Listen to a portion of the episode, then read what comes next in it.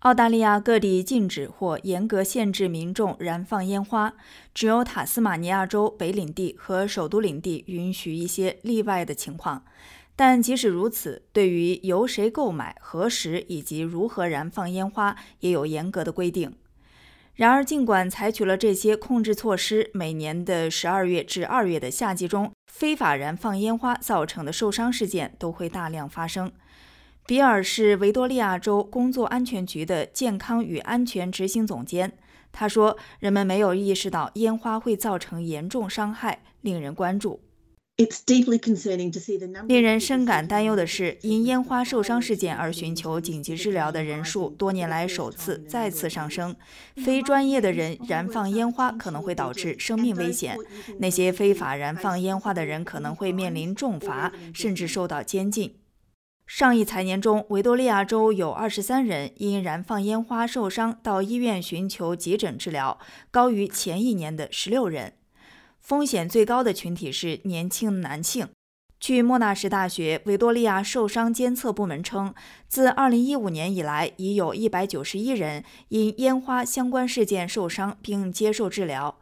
在受伤的人当中，五分之四是男性，近四分之一受伤者的年龄在二十至二十四岁之间。最常见的危害是烧伤，有八十七人；其次是眼部受伤，有三十人；还有二十人因烟花导致开放性伤口的出现。鲁尼是维多利亚州消防救援队的社区安全代理副专员，他说。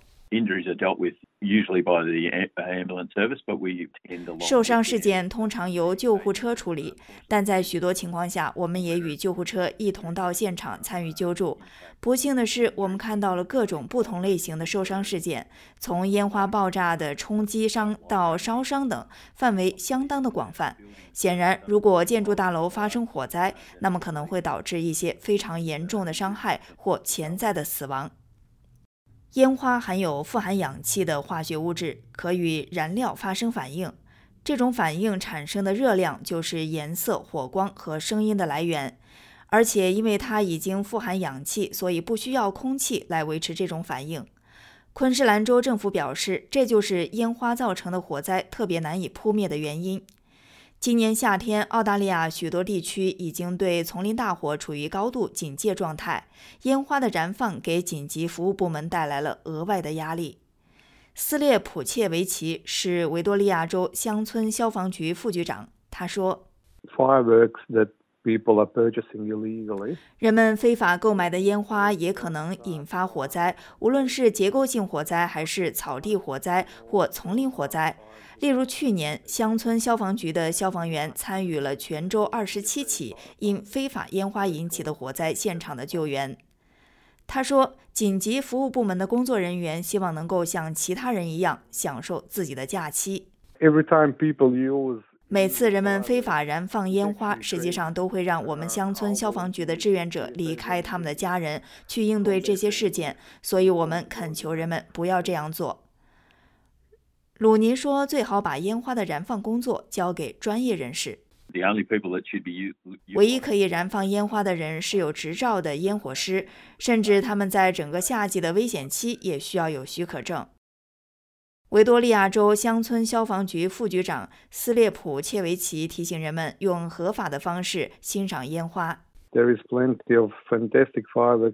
人们可以通过电视欣赏许多精彩的烟花燃放。从墨尔本、悉尼到世界上任何其他主要城市的烟花，人们都可以欣赏到，同时不会危及自己和周围的人。